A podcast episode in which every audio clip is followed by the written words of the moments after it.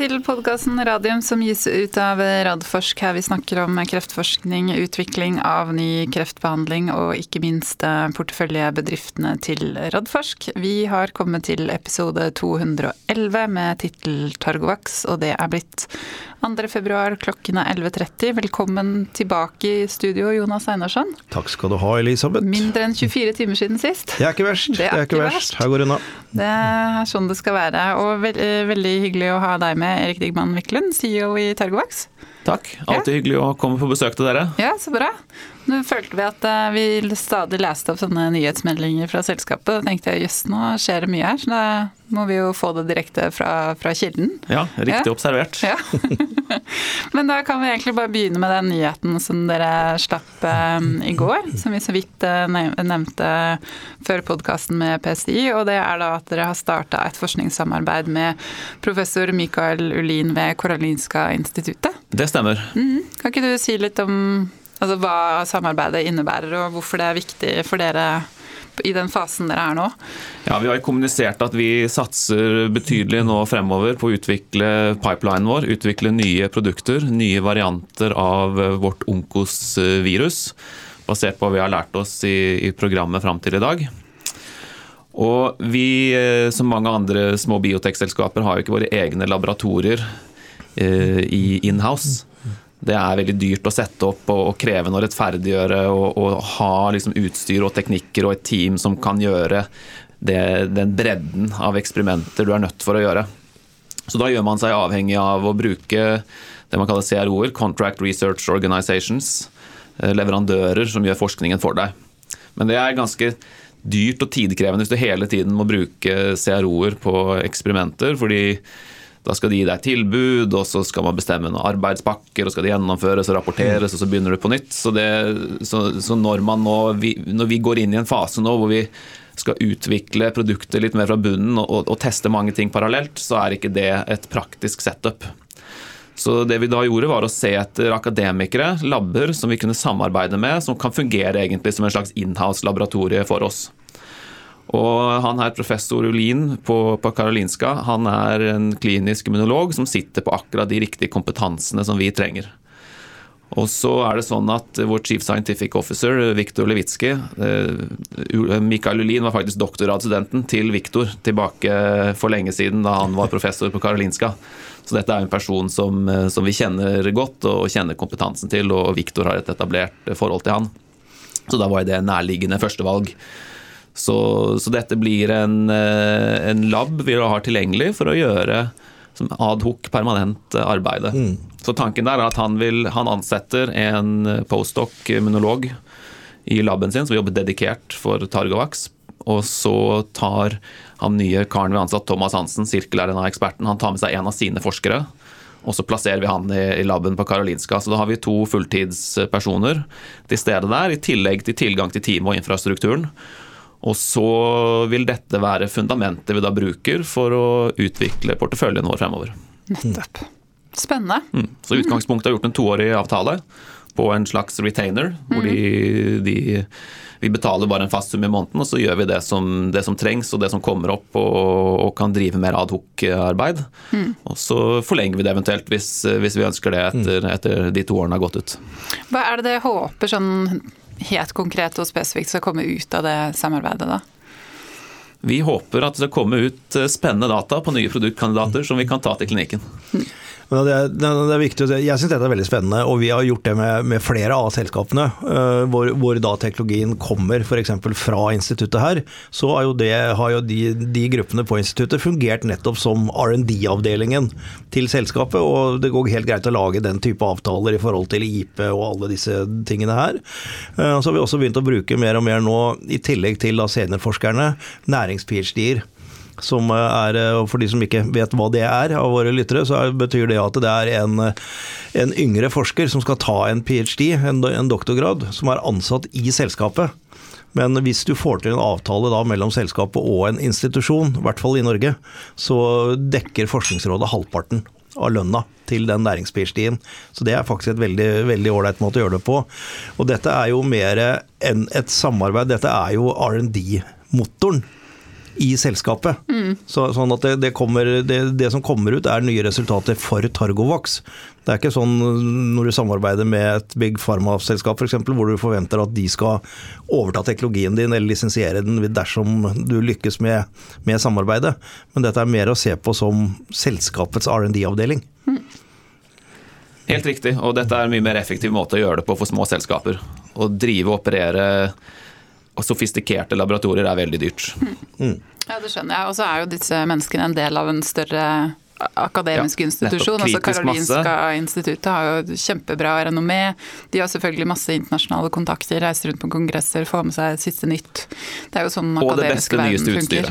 Ja, ikke minst. Ja. ikke minst. Det er dyrt. Og så er det interessant du sier det med IP, og det er faktisk det er deler av grunnen til at vi veldig gjerne gjør dette i Sverige. Yep. Fordi i Sverige så er det regler om at rettighetshaveren er forskeren eller den som betaler for forskning. Instituttet har ingen rettigheter til patenter som genereres der. Så gjennom å gjøre denne type arbeid i Sverige, så kan vi sikre oss 100% eierskap til patentene bare gjennom å gjøre den avtalen med professoren. Mens i de fleste andre land så, så har man med denne type setups her eh, må man forholde seg til at instituttene har en viss eh, eierrettighet til, mm. til, IP som kommer ut av det. Det, er, det, er, dette er såkalt, det hadde vi i Norge fram til 2005. Eh, med det såkalte lærerunntaket, som, eh, som det het den gangen. I USA så er det Bay-Dole Act som er, er, det tilsvarende når den ble innført i sin tid. Eh, og tanken var sikkert god også, at ikke disse som ble fundet og betalt av det offentlige og institusjonen skulle ta med seg sine ideer og stikke av. Og så oppretta man da Det var da man oppretta disse TTO-ene, som da skulle forvalte IP-en på vegne av institusjonen, og som da måtte igjen forhandle med det selskapet hvor kanskje 90 av IP-en kom fra, det er ganske komplisert. Altså. Så jeg skjønner godt at Sverige er, eh, er en bedre havn akkurat for den type samarbeid. Mm. Det var det akkurat det som var vår vurdering. Ja. Lite hint til norske myndigheter der. jeg skulle akkurat si det, du må ikke sette på femkroning på akkurat den automaten der. Men hvis vi, ehm, hvis vi da ser, ser, litt eh, tilbake altså på, på 2021, altså hvordan vil du oppsummere det fjoråret for Torgvaks? Det er jo da året hvor du tok over som CEO, ikke minst. Men det skjedde jo mye annet spennende også. Hva, hva er på en måte høydepunktene? Dette var jo året hvor vi validerte at og hvordan Onkos 102, vår ledende produktkandidat, virker. Vi, vi har nå demonstrert i flere kreftformer at eh, vi har god eh, aktivitet. Eh, Onkos 102 virker i melanom, og det virker i mesoteliom. Vi ser fordel både på overlevelse og tumorrespons. Vi vet nå at vi kan trygt behandle med Onkos 102, og vi kan kombinere Onkos 102, 102 med både cellegift og med sjekkpunkthemmer. Nå har vi fundamentet for å bygge videre. Mm. Og så er vel for min del, som, som, som vitenskapsmann i utgangspunktet, så, så har vi gjort et uvanlig store translasjonelle uh, immunologiske analyser av pasientene. Både på vevsnivå og på systemisk nivå. Og Det gjør at vi kan danne oss et veldig klart bilde av nøyaktig hva som skjer når du behandler med, med Onkos 102. Eh, langt utover bare det at kreften krymper. Eh, nå vet vi molekylært hva som skjer. Og Det gjør at vi kan ta smarte beslutninger på den videre utviklingen både av Onkos 102 og i utvikling av nye produktkandidater. Fordi vi har en idé om hva konkret skjer real world inne i svulsten. Og dette kan du ikke med immunterapi forutse bare gjennom å bruke musemodeller og, mm. og, og celleforsøk. og Derfor investerte vi masse penger og ressurser i, i disse immunologiske og sekvenseringsanalysene vi, vi har gjort. Og Det er store datasett, og vi holder fortsatt på å analysere. Dette tar tid. Dette er ikke noe du gjør på 14 dager. Vi har brukt et år, og vi er fortsatt mm. ikke ferdig. Vi skraper bare overflaten mm. i mye av dataene som vi har. Så her vil vi fortsette nå å grave og analysere. Eh, men bildet begynner å tegne seg nå av, eh, av, hvordan vi kan ta dette programmet videre. Og hvordan vi kan utvikle oss til å bli et plattformselskap. Mer enn bare et enkeltproduktselskap. Mm. Det er spennende. Så det er på en måte det som ligger Hvis vi da snakker om det året som kommer og, og ytterligere altså etter det, er det det nå som dere da fokuserer på? Én er på en måte videre klinisk utvikling av Onkos 102, men samtidig da bredde ut porteføljen, som du sier? Helt riktig, og dette går hånd i hånd. Én, vi skal utvikle Onkos 102 videre. på smartest mulig måte. Og det skal vi gjøre gjennom å gjøre rasjonelt, eh, vitenskapelig informerte kombinasjonsbehandlinger. Eh, og Det ser vi på som et steg videre for Onkos 102, å finne, finne, både indikasjonen og kombinasjonen vi skal prøve å få Onkos 102 godkjent. Mm. Og så Samtidig så designer vi det studiet sånn at det gir mest mulig informasjon for utviklingen av fremtidens onkosvirus. Mm. Og De går vi nå i gang med å bygge opp, sammen med bl.a. Karolinska instituttet og også andre samarbeidspartnere vi har. Mm. Eh, og Etter hvert som de kommer frem, så kan vi basert på hva vi har lært med Onkos 102, designe smarte kliniske studier med en gang. Mm. Så bra. Hva, hva er tids, eh, tidsperspektivet da? Sånn spesielt på, 100, altså på Onkos 102. Det tror jeg vel det er flere som lurer litt på. Planen vår er å gå i gang med neste studien i, i melanom som modellsystem i andre halvår av året. Vi jobber nå med, med design av den studien. Og det kommer vi til å sende inn til, til FDA uh, eh, i løpet av de nærmeste månedene, og så ha et møte med dem for å diskutere planen vår. Mm. Og så fremt uh, Det er alltid, alltid, en del usikkerhet knyttet til, til, regulatoriske tidslinjer og sette opp studier, og særlig nå i disse covid-dagene, men, men, mest sannsynlig så kommer vi i gang med innrullering i løpet av dette året. Mm. Og Så legger vi opp denne studien som en slags altså Vi bygger sten for sten. Det er mange kohorter i studien, og det vil vi legge på etter hvert. Så man begynner med Onkos 102 monoterapi og Onkos 102 i kombinasjon med PD1 sjekkpunkthemmer. Det er den første delen. Og så etter hvert som det er i gang, så vil vi legge på flere kombinasjoner. Så, så selve hele totale studien her vil pågå en god stund. Og så vil vi fortløpende få data da, fra de forskjellige eh, gruppene med pasienter. Hmm. Hva, hva, er fordelen med å legge opp en studie på den måten? For det blir jo mer komplisert for dere, vil jeg tro. Er det, er det fordel regulatorisk? Eller er det fordel for dere å se på en måte kjapt hvor man får effekt, men det vil jo da bli på færre, altså færre pasienter, da? Ja, ja, begge deler er vel egentlig svaret. Mm. Det som er situasjonen for utvikling av kreftlegemidler nå, er at det er kombinasjonsbehandlinger som gjelder, og du må kombinere med immunterapi. Mm. Fordelen med melanom er at cellegift brukes ikke, så du kan unngå helt kjemoterapi mm. hvis du jobber i melanom. Ja. Du kan gå rett på immunterapi-kombinasjoner. Eh, men nå er FDA veldig opptatt av det de kaller 'contribution of components'. Hva bidrar de ulike komponentene i kombinasjonen med? Og hvordan doserer du og sekvenserer du riktig for å få best kost-nytte av effekt kontra bivirkninger. Mm. For dette er behandlinger man typisk står på lengre enn man klassiske på cellegift, som du kanskje bare tar i noen måneder, og så er man ferdig med det. Mm. Dette må man gå på lengre, lengre tid, og da er det hva man aksepterer av bivirkninger, mindre. Mm. Så Derfor må man svare på contribution of components, riktig dosering og riktig skedulering for å komme seg videre. Og når man skal gjøre en monoterapibehandling, så får du ikke lov til å gå i, i førstelinjepasienter. Altså den, den, den, første behandlingen pasienter får, er typisk ting som er godkjent. og Det, det finnes vel knapt noen kreftform nå som ikke har en eller annen godkjent førstelinjebehandling. Mm. Så du er nødt for å legge deg etter at eh, det som man godkjente standard og care-behandlinger er eh, utprøvd. Og så kan du komme inn med din monoterapibehandling og så legge ting på toppen for å se hva, hva kombinasjonene gir. Mm. Det som FDA nå sier, er at de, de, mer og mer tillater at du bruker den type data fra senere linjer til å bevege deg tidligere fase etter hvert. Så vi ser vel på den Ja, vi går i PD1-refraktær, altså sjekkpunkt hemmeresistent melanom. Men eh, slik vi forstår myndighetene, så kan man bruke de dataene til å senere gå inn i, i førstelinjebehandling og ha svart på de mm. nødvendige spørsmålene hva gjelder toksisitet, contribution of components, dosering osv. Mm. Okay. Så, så det, det, var et langt svar, dette her, men, men den studien vi gjør nå i PD1-resistent melanom mener vi åpner opp hele hudkreftsegmentet for oss for fremtiden. Mm.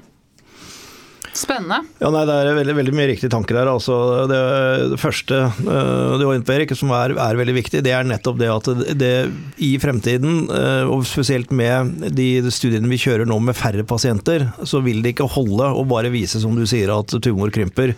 Du må forklare hvorfor den gjorde det hos den pasienten, og så vise til at det, det kan vi forklare fordi det virket sånn og sånn. Uh, helt ned på molekylært nivå. Eh, og like viktig i de pasientene det ikke virker på. Det er fordi at den pasienten ikke hadde den reaksjonen, eller hadde det. Eh, og det, det, det vil være en veldig viktig komponent i å, å sette dette fram eh, videre. Og så har du også helt rett i, som vi har sett andre steder, at når man i, har vist i veldig sene faser at man har gode data, spesielt på TOX, eh, men også da indikasjoner på, på, effekt. Så får du egentlig lov til å gå i nye indikasjoner direkte inn i randomiserte fase 2-studier. Eh, og det kapper jo inn på, på utviklingsløpet kraftig. Mm. Det er bra. Er det noen spesielle milepæler eh, vi skal følge med på det året som kommer, eller videre? Vi fortsetter jo å gjøre ferdig det kliniske programmet vårt med Onkos 102 som er pågående. Så det kommer data fra den studien vi har hatt kjørende med samarbeid med Cancer Research Institute og AstraZeneca i kolorektalkreft. I tillegg så vil vi publisere mer, og komplette datasett fra både melanom og mesoteliom på, på konferanser i, i, løpet av året.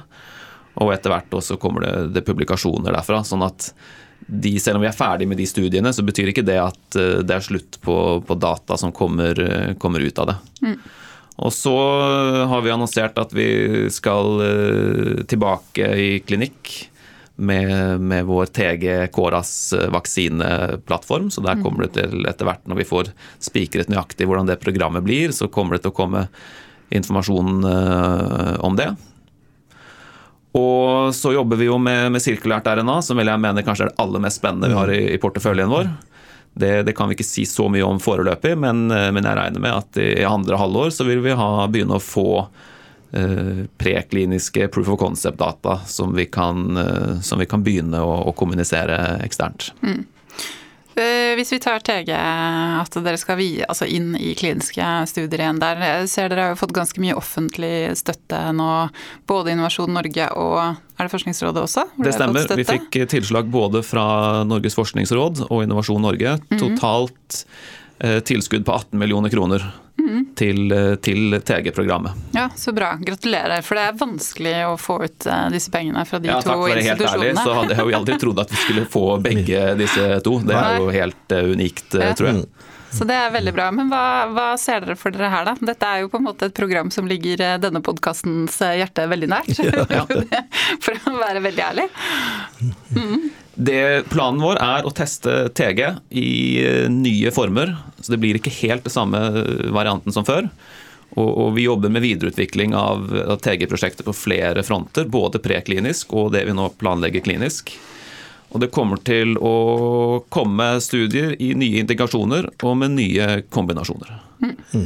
Eh, nå er vi i sluttforhandlinger med å, å, få på plass uh, avtaler med Det er jo flere samarbeidspartnere og akademikere som er involvert her, så det, så det er ikke helt uh, klart uh, enda, men, men, det nærmer seg at, at flere mulige prosjekter blir, blir, ferdigstilt og klare til å initieres. Og da vil vi kommunisere de eksternt. Men jeg er rimelig trygg på at vi kommer i gang med, med TG i klinikk igjen i løpet av det året her. Ja. Spennende. Mm. Mm, men ikke samme indikasjon som tidligere. Pankras. Sannsynligvis eh, vil det inkludere pankras, men, eh, men ikke nødvendigvis akkurat samme setting som ja. sist gang. Eh, bare spørsmål der, for det er ikke, vi er fullt sånn med på nå, er hvordan står immunterapi og pankras per i dag? Er det, altså jeg vet det har ikke vært noen gode resultater, men er det studier på gang? Er det interesse fra Big Pharma for å prøve det ut i, i pankreas? Ja, i Pankras så er det faktisk et, en av våre svenske, eh, et av våre svenske venneselskaper, Lokon. De lager også onkolytisk adenovirus. Ligner veldig på det, på det vi har eh, hos oss, Onkos 102. Og de har publisert eh, meget interessante data i pankreaskreft. Intratumoral injeksjon av, av adenovirus inn i pankreasvulster. Okay. 100% disease control, altså kun stabil sykdom eller respondere i, i deres, eh, i deres Pankra-studie. Så det ser jo lovende ut med immunterapi der. Det som er Problemet med pankras er at det er en svulst som har mye stroma, altså mye vev inni. Den er vanskelig for immunsystemet å komme inn i og, og penetrere skikkelig. Og Derfor kan potensielt et onkolytisk virus røre litt sånn rundt i svulsten, bryte ned interne strukturer som gjør at eh, sjekkpunkthemmer kan, kan fungere. Så jeg er veldig nysgjerrig på å se hvordan det går der. Mm. Sjekkpunkthemmer pluss onkolytisk virus. Og det andre jeg har sett som er lovende, er en, eh, en CD40-agonist fra et selskap som heter Apexogen i USA. Det er litt det motsatte av sjekkpunkthemmer. Sjekkpunkthemmer er en, det er en brems som stopper en immunrespons. Eh, CD40 er, det er noe som man kaller co-stimulatory molecule, som uttrykkes parallelt med sjekkpunkthemmere, men det er gasspedalen i stedet for bremsen. Du stimulerer du det, så får du kraftigere immunresponser. Og, og, det har vært utvikling av sånne co-stimulatory molecules lenge, men de har slitt en del med, med toksisitet og off-target-effekter. Men nå er det noen kandidater på gang her som løser i hvert fall delvis det problemet. Og de har vist eh, spennende data både i kombinasjon med, med PD1-hemmer og med kjemo i, i pankreas. Så selv om altså Sjekkpunkthemmer, monoterapi, har jo ikke fungert i pankreas. Nei, nei. Og man har ikke fått nevneverdig mer med PD1-kjemo, eh, kombinasjonen heller. Nei. Men jeg tror nok her er det det det blir, er eh, ytterligere da blir trippelkombinasjoner. Muligvis da at onkolytisk virus kan komme inn. Mm. Så jeg tror nok at immunterapi vil etablere seg der også, men, men inntil videre så er det, er det kjemo som gjelder som førstelinjeløsningen. Ja, og som ikke virker. Det gir vel tålelig bra responsrate først, men det har jo ikke en varig, en varig effekt. da. Ja, Det er helt riktig. Du, du, du, får, du får, en respons uh, relativt ofte og, og ja. får en stabilisis, men den uh, varer da som regel tre til fem måneder eller uh, noe sånt. Ja, og så går det veldig fort nedover deretter. Så at de fortsatt har et hjem, tror jeg jo, fordi det kan ofte være nødvendig å man kan debulke tumor, få ja. redusert den, og så komme inn med noe annet etterpå. Ja, men Den intratumorale der, det er ikke det vi skal diskutere nå, men det, dette syns jeg er, er, veldig nei, men Jeg ser ja, liksom rasjonale i å, virkelig rasjonale i å gå intratumoralt på pankras. For det er jo nettopp det derre panseret ja. som uh, pankrashulsen har rundt seg, som vi har ikke klart å bryte ned på egentlig noen som helst måte. Så hvis man kunne da både angrepet utenfra og innenfra samtidig, som du sier, og til og med gjort enda litt mer vri på immunterapien med checkpoint-hemmer eller, eller lignende, det makes sense, det, altså. Mm. Og også legge seg rett etter kjemo kan være et alternativ. der man ser Uh, Olaparib, sånn PARP-hemmer, ja. har blitt godkjent i, i BRCA-mutert. Altså pankreaskreft med en BRCA-mutasjon. Det er ja. veldig vanlig brystkreft med BRCA-mutasjon mm. og jo ovariekreft. Så der brukes disse mye. Men, eh, men i pankras er det mindre enn 10 av pasientene som har det. Jeg tror det er 4 ja. Ja, det er vel, BRCA, hvis du legger de sammen, BRCA1 og BRCA2, så ja. er det noe sånt. Ja, 7-8 tror jeg du får da. Ja, hvis du får begge to, ja.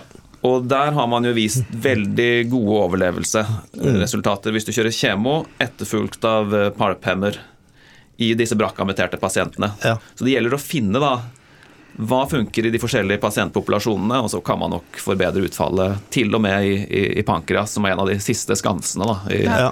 i uhelbredelig kreft. Mm. Og Der er vi jo tilbake til Impress-studien, som vi har eh, snakka mye om her i podkasten tidligere, som jo gjør nettopp det.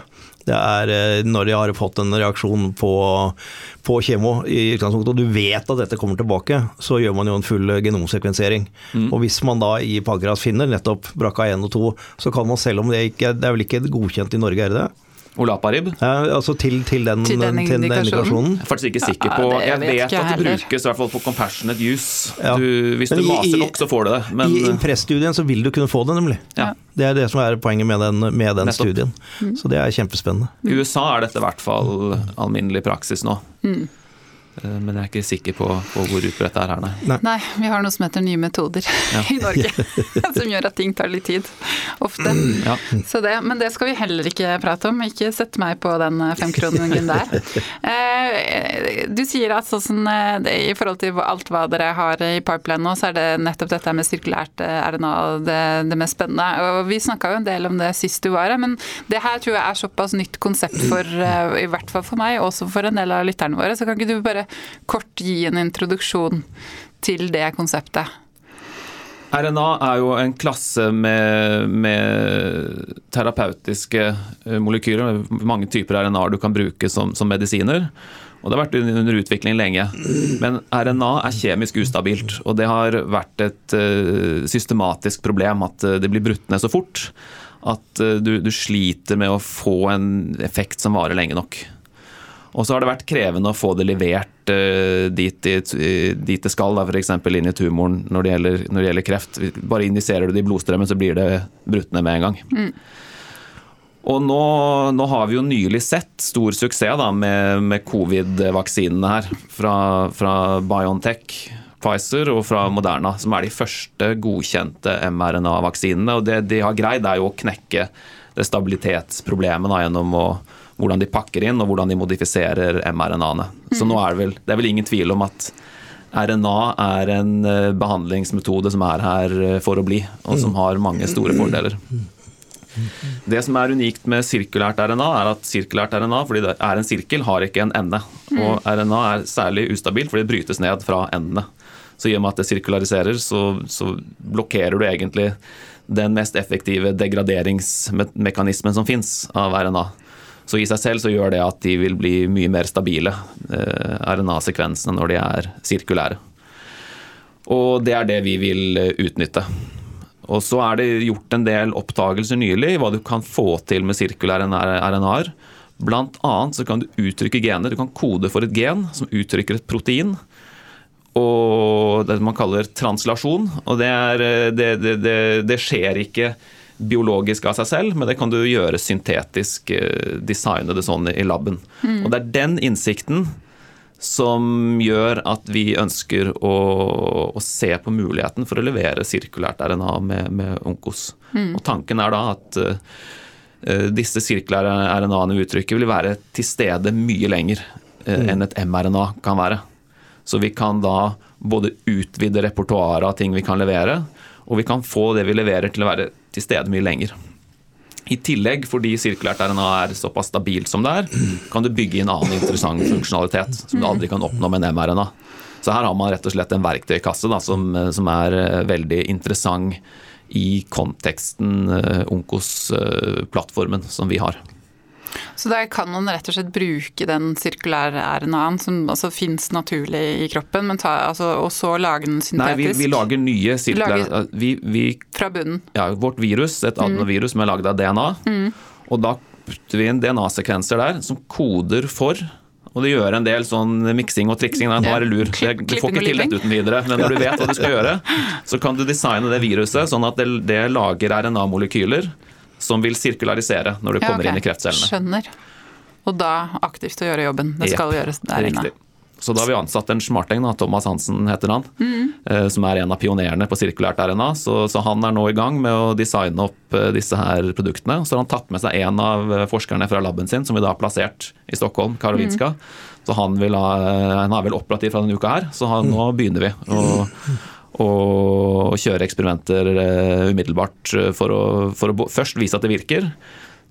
To, uh, få patentert dette her på en skikkelig måte. Ja. Og, og, tre, generere data hvor vi kan begynne å få designet det som vil bli fremtidens onkosvirus, da, med, med, som uttrykker sirkulært RNA. Hmm. Eh, sånn umiddelbar, eh, Det jeg lurte på da, er liksom konkurransesituasjonen rundt dette. Er det såpass nytt at folk ikke har liksom begynt å gå aktivt inn her? Altså akademiske grupper eller legemiddelindustri, eller? Vi opplever allerede en del interesse faktisk på dette her. folk har fått med seg at vi driver med det, så vi får en del forespørsler om, forespørsel om hva det er vi gjør, og, og om vi ikke kan diskutere Send over oppskriften? Nei, det kommer vi ikke til å gjøre. Men eh, diskutere både hvilke, hvilke, planer vi har og hvordan vi eventuelt kunne samarbeide. Det er egentlig bare to selskaper som sånn offisielt er i gang med dette her. Ja. Eh, det er det selskapet som heter Laronde, som ble satt opp av Moderna og Flagship. Mm. De skal lage genterapi med sirkulært RNA. Så det er jo samme konseptet som oss, men, men ikke direkte konkurrerende. Mm. Og så eh, er det et annet selskap som heter Orna Therapeutics, ORNA. Og de har vel samme vinkling. Og i utgangspunktet så har de vel kommunisert at det er infeksjonssykdommer de, de går etter. Vi får se, litt uklart. Men ja. det er velfinansierte selskaper som, som, eh, som, skal benytte seg av denne teknologien sammen og utnytte at du kan lage proteiner, translasjon fra, fra sirkulært RNA. Hmm. At uh, det, er, det, er, få andre som er i gang med dette her på noe, noe seriøs måte enda. Og Det som er unikt for Targovax, er at vi har Onkos-plattformen, som er en leveringsmetode av mRNA nå. Vi leverer GMCSF som transgen via mRNA. Så vi har jo en validert metode for å levere RNA inn i svulster, som vi raskt kan applisere til, til sirkulært eh, RNA. Mm. Og det er noe de færreste har, et etablert leveringsverktøy. Det må de enten lisensiere inn eller finne opp fra bånn. Ja, mm. Så der har dere på en måte et forkjøp? Helt riktig. Ja. Og så høres det ut som dere er et godt selskap, da, hvis de to andre selskapene, sånn som du beskriver de. Ja. ja det er jo ikke noe hvem som helst. Nei. Nei. De hentet jo til sammen 600 millioner dollar i fjor til ja. å begynne, begynne, på dette her. Ikke sant. Da er det jo noen som har eh, troa, og vel så det. Du, vi har fått inn utrolig mange lyttespørsmål eh, denne gangen. Det er jo veldig hyggelig, så, så, så takk for det. så jeg tenker vi bare begynner på, på starten. Eh, og da er det første spørsmålene går eh, på, på, TG. Og der eh, er spørsmålet når det er forventet dom i ankesaken. Da tror jeg vi skal ta ett skritt tilbake, og du må bare forklare hva som er ankesaken her. Vi har et patent på kombinasjon av TG med kjemoterapi. Og det patentet er eh, granted, altså godkjent, i USA og i Europa. Og det patentet ble utfordret i Europa, foreløpig ikke i USA. Eh, vi ikke, vet ikke hvem det er som har utfordret det, men, men, det er et selskap som har gjort det. Og da var det en, eh, en, sak hvor vi forsvarte patentet vårt, og vi vant 100% Vi vant på absolutt alle punkter. Så det var egentlig en helt knusende seier. Eh, så Det forteller oss to ting. Det ene er at eh, patentet vårt eh, holder vann. Og det andre er at det er interessant for noen andre. Så mm. noen andre vurderer at dette patentet her ødelegger for dem og er av kommersiell interesse. Så det vil jeg jo anse som positivt, begge deler. Og som forventet så har de anket den saken, eller deler av det, ikke alt. Dette er en prosess som Det, det overrasker oss ikke, ville vært overrasket oss hvis de ikke gjorde det. Det er ingenting nytt som har kommet opp i denne anken. Vi forventer ikke noen nye utfordringer som vi ikke hadde sist, så dette bekymrer oss egentlig svært lite. Og eh, det tar tid, sånne her prosesser, så jeg tror eh, det tar i hvert fall et år, sikkert betydelig mer enn et år òg, før det er noe klarhet eller noe sånn endelig dom i den, eh, den, saken her. Ja. Så er neste spørsmål hvordan dere ser på ankesaken, men det svarte du vel nettopp på. Dette her er liksom ikke noe issue for dere? Nei. Nei. Så bra. Det jeg kan legge til er at når man utvikler det som kalles biologics, det som reguleres som biologic av FDA, og det gjør både onkolytisk virus og, og denne her type vaksiner, de beskyttes også av noe som heter data protection, som, som, myndighetene kaller det, som gjør at dataene dine i USA er beskyttet i tolv år, og i Europa åtte til ti år. Uh, og det forhindrer at de dataene kan brukes til generisk konkurranse. Sånn at det er mindre kritisk med produktpatenter for disse komplekse biologics-medisinene. enn Det er for klassiske small molecule, enklere medisiner, da, hvor, det er, hvor, det er, lett å kopiere, og du kan, og du kan hekte deg på de dataene som fins. Mm. Så her må man effektivt uansett utvikle ting. Skal du inn og konkurrere direkte eller lage noe helt likt, så må du selv utvikle det i kliniske studier. Mm. Så man har, man har, god beskyttelse eh, uansett med, med biologiske Eh, produkter. Men, men, når det er sagt, så er det jo viktig å ha en god patentbeskyttelse og IP-portefølje rundt eh, det man, det man, jobber med. Mm. Det er det. Eh, og så lurer vedkommende på om eh, altså hvis den da ankesaken går i disfavør eh, dere, om det da får følger for lisensavtalen med IOAX. Det er jo veldig hypotetisk, da, men eh, Høyst usannsynlig. Ja. Om noe så styrket jo bare posisjonen vår fordi patentet motsto ja. Eh, denne utfordringen. Mm. Så det forteller jo Avaxis at mm. patentet eh, holder. Ja. Eh, og så lurer vedkommende på TG-plattformen, men der har vi egentlig vært eh, gjennom det. Jeg lurer litt konkret på, um, på nyheter og når man, altså hva slags nyheter man kan forvente. Jeg vet ikke om du kan være noe mer konkret der? Det kommer til å komme nyheter om, eh, om samarbeider og, og, kliniske studier vi setter i gang. Ja, mm. I løpet av de nærmeste månedene. Ja, supert. Eh, hvis vi går videre da til kolorektal kolorektalkreft eh... Bare for å presisere, altså det, det er nok noe lengre tid før studiene faktisk kommer i gang, men at vi har pasienter inn i løpet av året, det tror jeg ganske sikkert vi klarer. Ja, så bra. Eh, hvis vi går videre da til kolorektalkreft, så lurer lytteren på hvis resultatene er annonsert, om du kan kommentere rundt resultater og potensiell vei videre? Ja, vi vet ikke enda hvordan den studien har gått. Her eh, er det ikke vi som tar imot og analyserer dataene, så vi venter til de er analysert av noen andre, og så vil vi få beskjed om hvordan de ser ut. Dette er jo en ekstremt krevende eh, indikasjon. Altså dette er pasienter som har metastatisk kolorektalkreft mm. og har hatt progresjon etter cellegift. Så her er jo de, Det er en forferdelig sykdom og prognose. Man tror man lever i mindre enn seks måneder. Og det er liksom mye vekst inni bukhulen og, og, og krevende egentlig å, å, få til noe. Så her er det ingenting som virker. Sjekkpunkthemmer i seg selv gir 0 Vi håper jo å se noe med Onkos pluss sjekkpunkthemmer. Men her vil vi ikke se sånn som vi har gjort i mesoteliom, hvor vi hadde over to års medianoverlevelse, eller melanom hvor vi hadde 35% ORR. Det vil aldri skje i denne pasientgruppen. Her er man på det nivået at selv én pasient med en respons er, er lovende. Så, så, bare for å forventningsstyre, så, så, vil man jo ikke Her, her er ikke Her er benchmarket er å se noe. Ja. Uh, her er liksom noe bedre enn ingenting. Ja, ja. korrekt. Ja. Skjønner.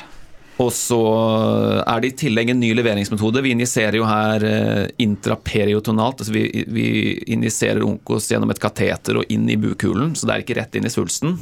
Og det vet vi rett og slett ikke om fungerer. Så det blir interessant å se. Får vi immunresponser med den type leveringsmetode? I de andre mesoteliom og melanom så har vi jo injisert intratumoralt.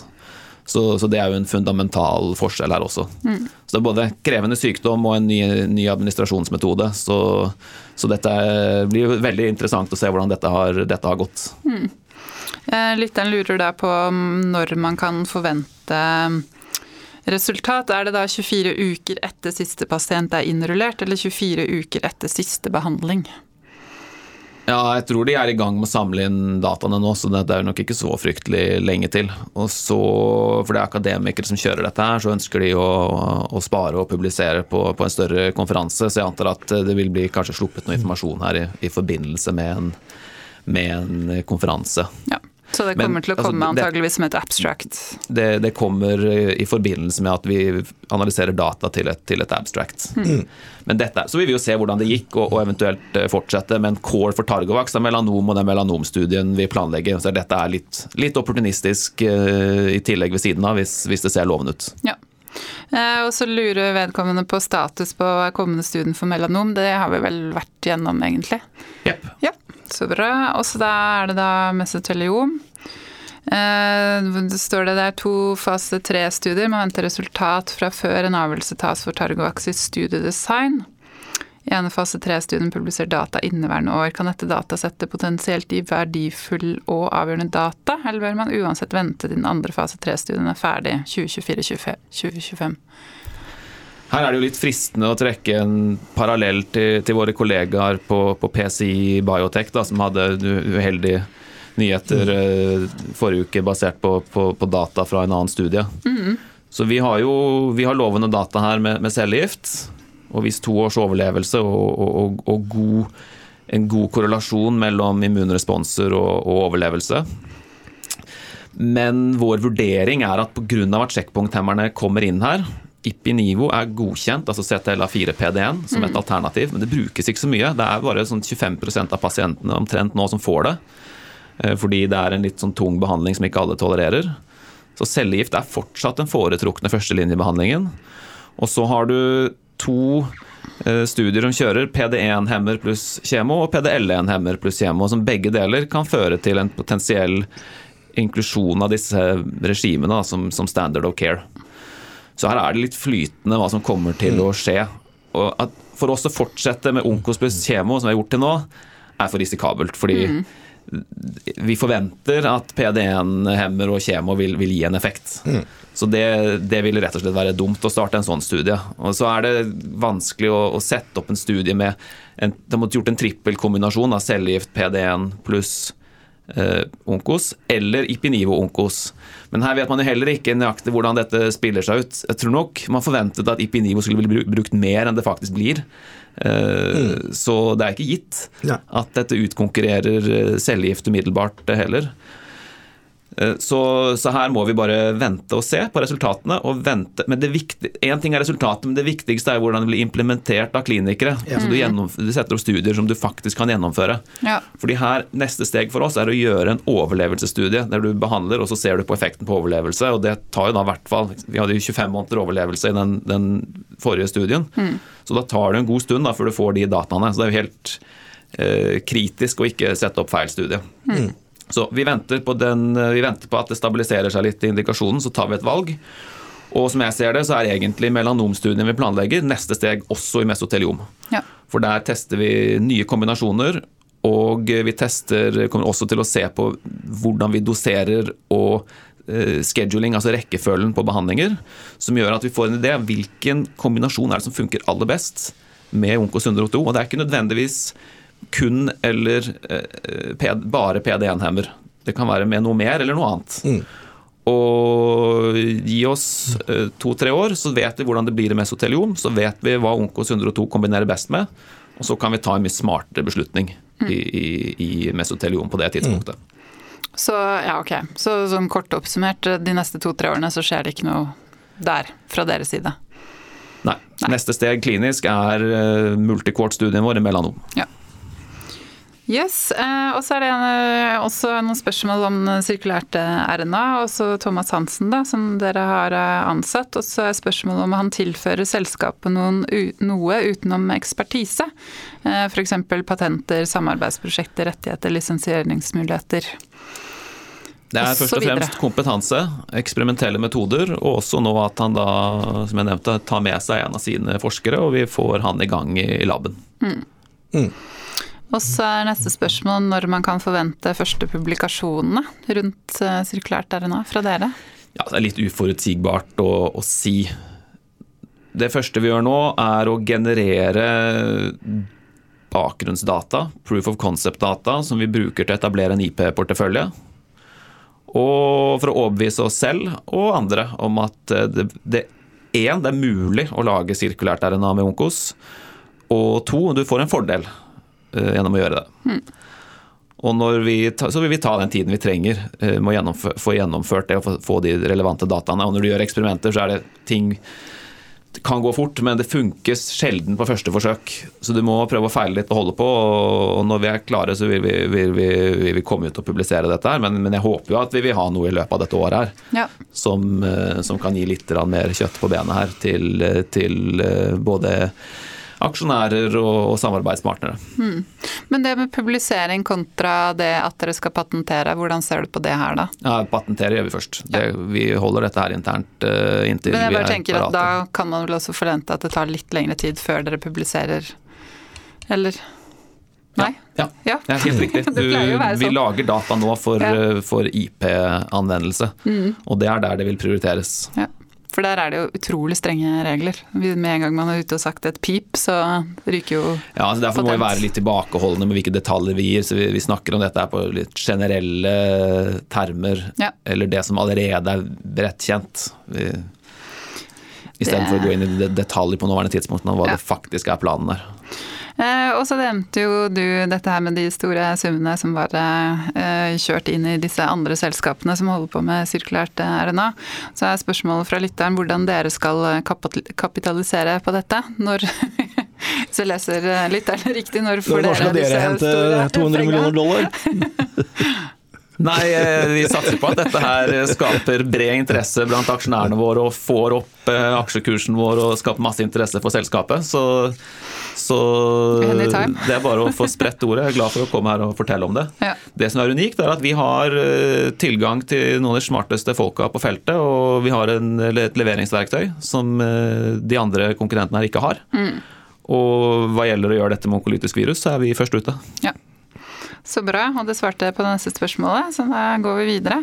Eh, hvis vi ser på, eh, på, aksjekursen og emisjonen, så er spørsmålet med aksjekurs på all time low, hva tenker eh, ledelsen og styret om utviklingen? Nå er ikke noen fra styret her, da. Nei, det er jo ingenting er vi ønsker mer enn at ja. selskapet skal bli ha ansett positivt og verdifullt, og at aksjekursen går opp. Eh, vi syns jo naturligvis det er frustrerende at, eh, at, markedsverdien ikke er høyere enn den er. Eh, jeg mener den er mye lavere enn den burde være. Vi har gode data, vi har gode planer, og vi har nå en interessant pipeline og en liksom unik posisjon her på, på sirkulært RNA.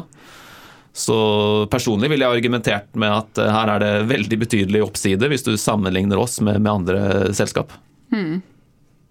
Vil du kommentere? Du er ikke i styret, men du har vært i styret? Ja da, jeg var Ja. styreleder i mange år i Targovaks. Targovax. Nei, Mhm. eh, jeg kan ta det som en sluttkommentar, for jeg eh, må faktisk gå om tre minutter. Å ja, men da har jeg et spørsmål til deg fra lytteren. Ja, Da må du svare veldig fort, og så jeg får stilt Ja, det nei, neste altså spørsmålet. Jeg syns jo Targovaks har gjort en uh, veldig bra validering i form av at nå, nå har vi holdt på mange år, nå stopper vi opp. Nå går vi ordentlig gjennom alt vi har, alle assets vi har, mm. og legger faktisk til et nytt asset i tillegg, med sirkulær eh, RNA.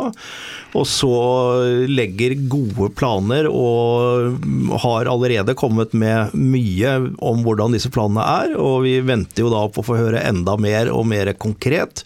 Og da vil jo alle som har investert i denne bransjen, og selv om det er jo aldri hyggelig å blø så mye som vi har gjort, som vi er jo en stor investor i, eh, i Targovax, så ser vi absolutt at det er muligheter for at man nå kan bygge noe som kan, kan bli noe veldig spennende. Så vi, vi venter i spenning på å få høre mer. Og da er det spørsmålet hvorfor deltok ikke Radforsk på emisjonen til Targovax? Ingen kommentar. Jeg, kommenterer aldri våre vurderinger av hvilke emisjoner vi er med i og hvilke vi ikke er med i. Det er en, vi har en eh, åpen kommunikasjon både med alle selskaper og med, med de som er tilretteleggere for de forskjellige. eh, Og hvordan vi vurderer og hva vi blir med på. Det betyr ikke at vi ikke tror på Targovax. Det kan være mange faktorer som, som spiller inn der. Så det, hvis vi begynner å kommentere hvert enkelt selskap i det, så er vi på ville veier. Ja. Og så har vi denne podkasten Radium hvor vi kommenterer mer overordna. Mer overordna, helt Ja, men du, riktig. hvis du må løpe, så løper du. Så kan jeg Det gjør jeg. har noen, har noen byggeprosjekter på gang som jeg må ha et Ja, eh, møte med nå. Det stemmer, det. Takk for meg. Det er ikke Lego, for å si det sånn. Eh, Vi kan fortsette med spørsmål. Neste går på samarbeidsavtaler. Eh, Dere har jo flere. Lytteren eh, nevner eksempelvis Luna, Leido, Valo, Oblik osv. Og så lurer jeg hen på status og hva avtalene har tilført selskapet. Dette er alle som blir nevnt her, er prekliniske samarbeider. Og de jobber vi videre med. Og når vi er klare, og alle her vil man jo ikke gå videre med, vi, vi prøver jo å se om det finnes videre grunnlag for å fortsette samarbeidet og kanskje ta det til klinikk. Og når vi er klare til å kommunisere data, så vil vi gjøre det. Men her avhenger det jo også av, av samarbeidspartneren, hva, hva de er interessert i både å gjøre videre og, og kommunisere eksternt. Vi har mange av denne type eh, prekliniske samarbeider, så man, man sprer jo eggene i flere kurver, og så er det noe som virker og annet som ikke virker. Ja. Og det er jo det som er poenget med preklinikk. Det er jo forskning. Ja. Ja, rett og slett for å få mer eh, kunnskap. Eh, ja, og så er det et spørsmål, eh, oppdatering på neste generasjon eh, Onkos. Ja, det er vel egentlig disse sirkulære RNA-vektorene våre som, som er hovedpoenget der, og det har vi jo snakket om ganske mye. Men planen vår er som følger. Vi vil etablere Onkos eh, som en plattform for å levere eh, genetisk materiale inn i kreftsvulster. Og intensjonen er at vi lager både våre egne produkter, som vi selv tar inn i klinikken og utvikler, og så eh, håper vi å kunne lage produkter for partnere. sånn at vi, når vi har satt opp dette f.eks. med sirkulært RNA, så ser jeg for meg at vi vil kunne gjøre avtaler eh, på et preklinisk nivå med, med andre, og, og designe da Onkos-virus på deres spekk, Ja, som de så kan utvikle. nettopp. Så jeg ser på dette som et verktøy både for å lage våre egne produktkandidater, og for å kunne gjøre prekliniske lisensavtaler og, og samarbeider som kan generere både data og inntekt for Targovax. Ja, for da kan man jo ha en ganske sånn stabil inntektskilde i bånn der. Helt riktig. Ja. Det høres, eh, høres veldig lurt ut. Um, ja, og så er det spørsmål litt, eh, egentlig litt på siden, men det er jo mulig at du kjenner svaret. Altså, um, ulempen med mRNA er at det er ustabilt. Er det en av årsakene til at covid-vaksinene må etterfylles med dose to og tre? Nei, nei, det har ingenting med det å gjøre.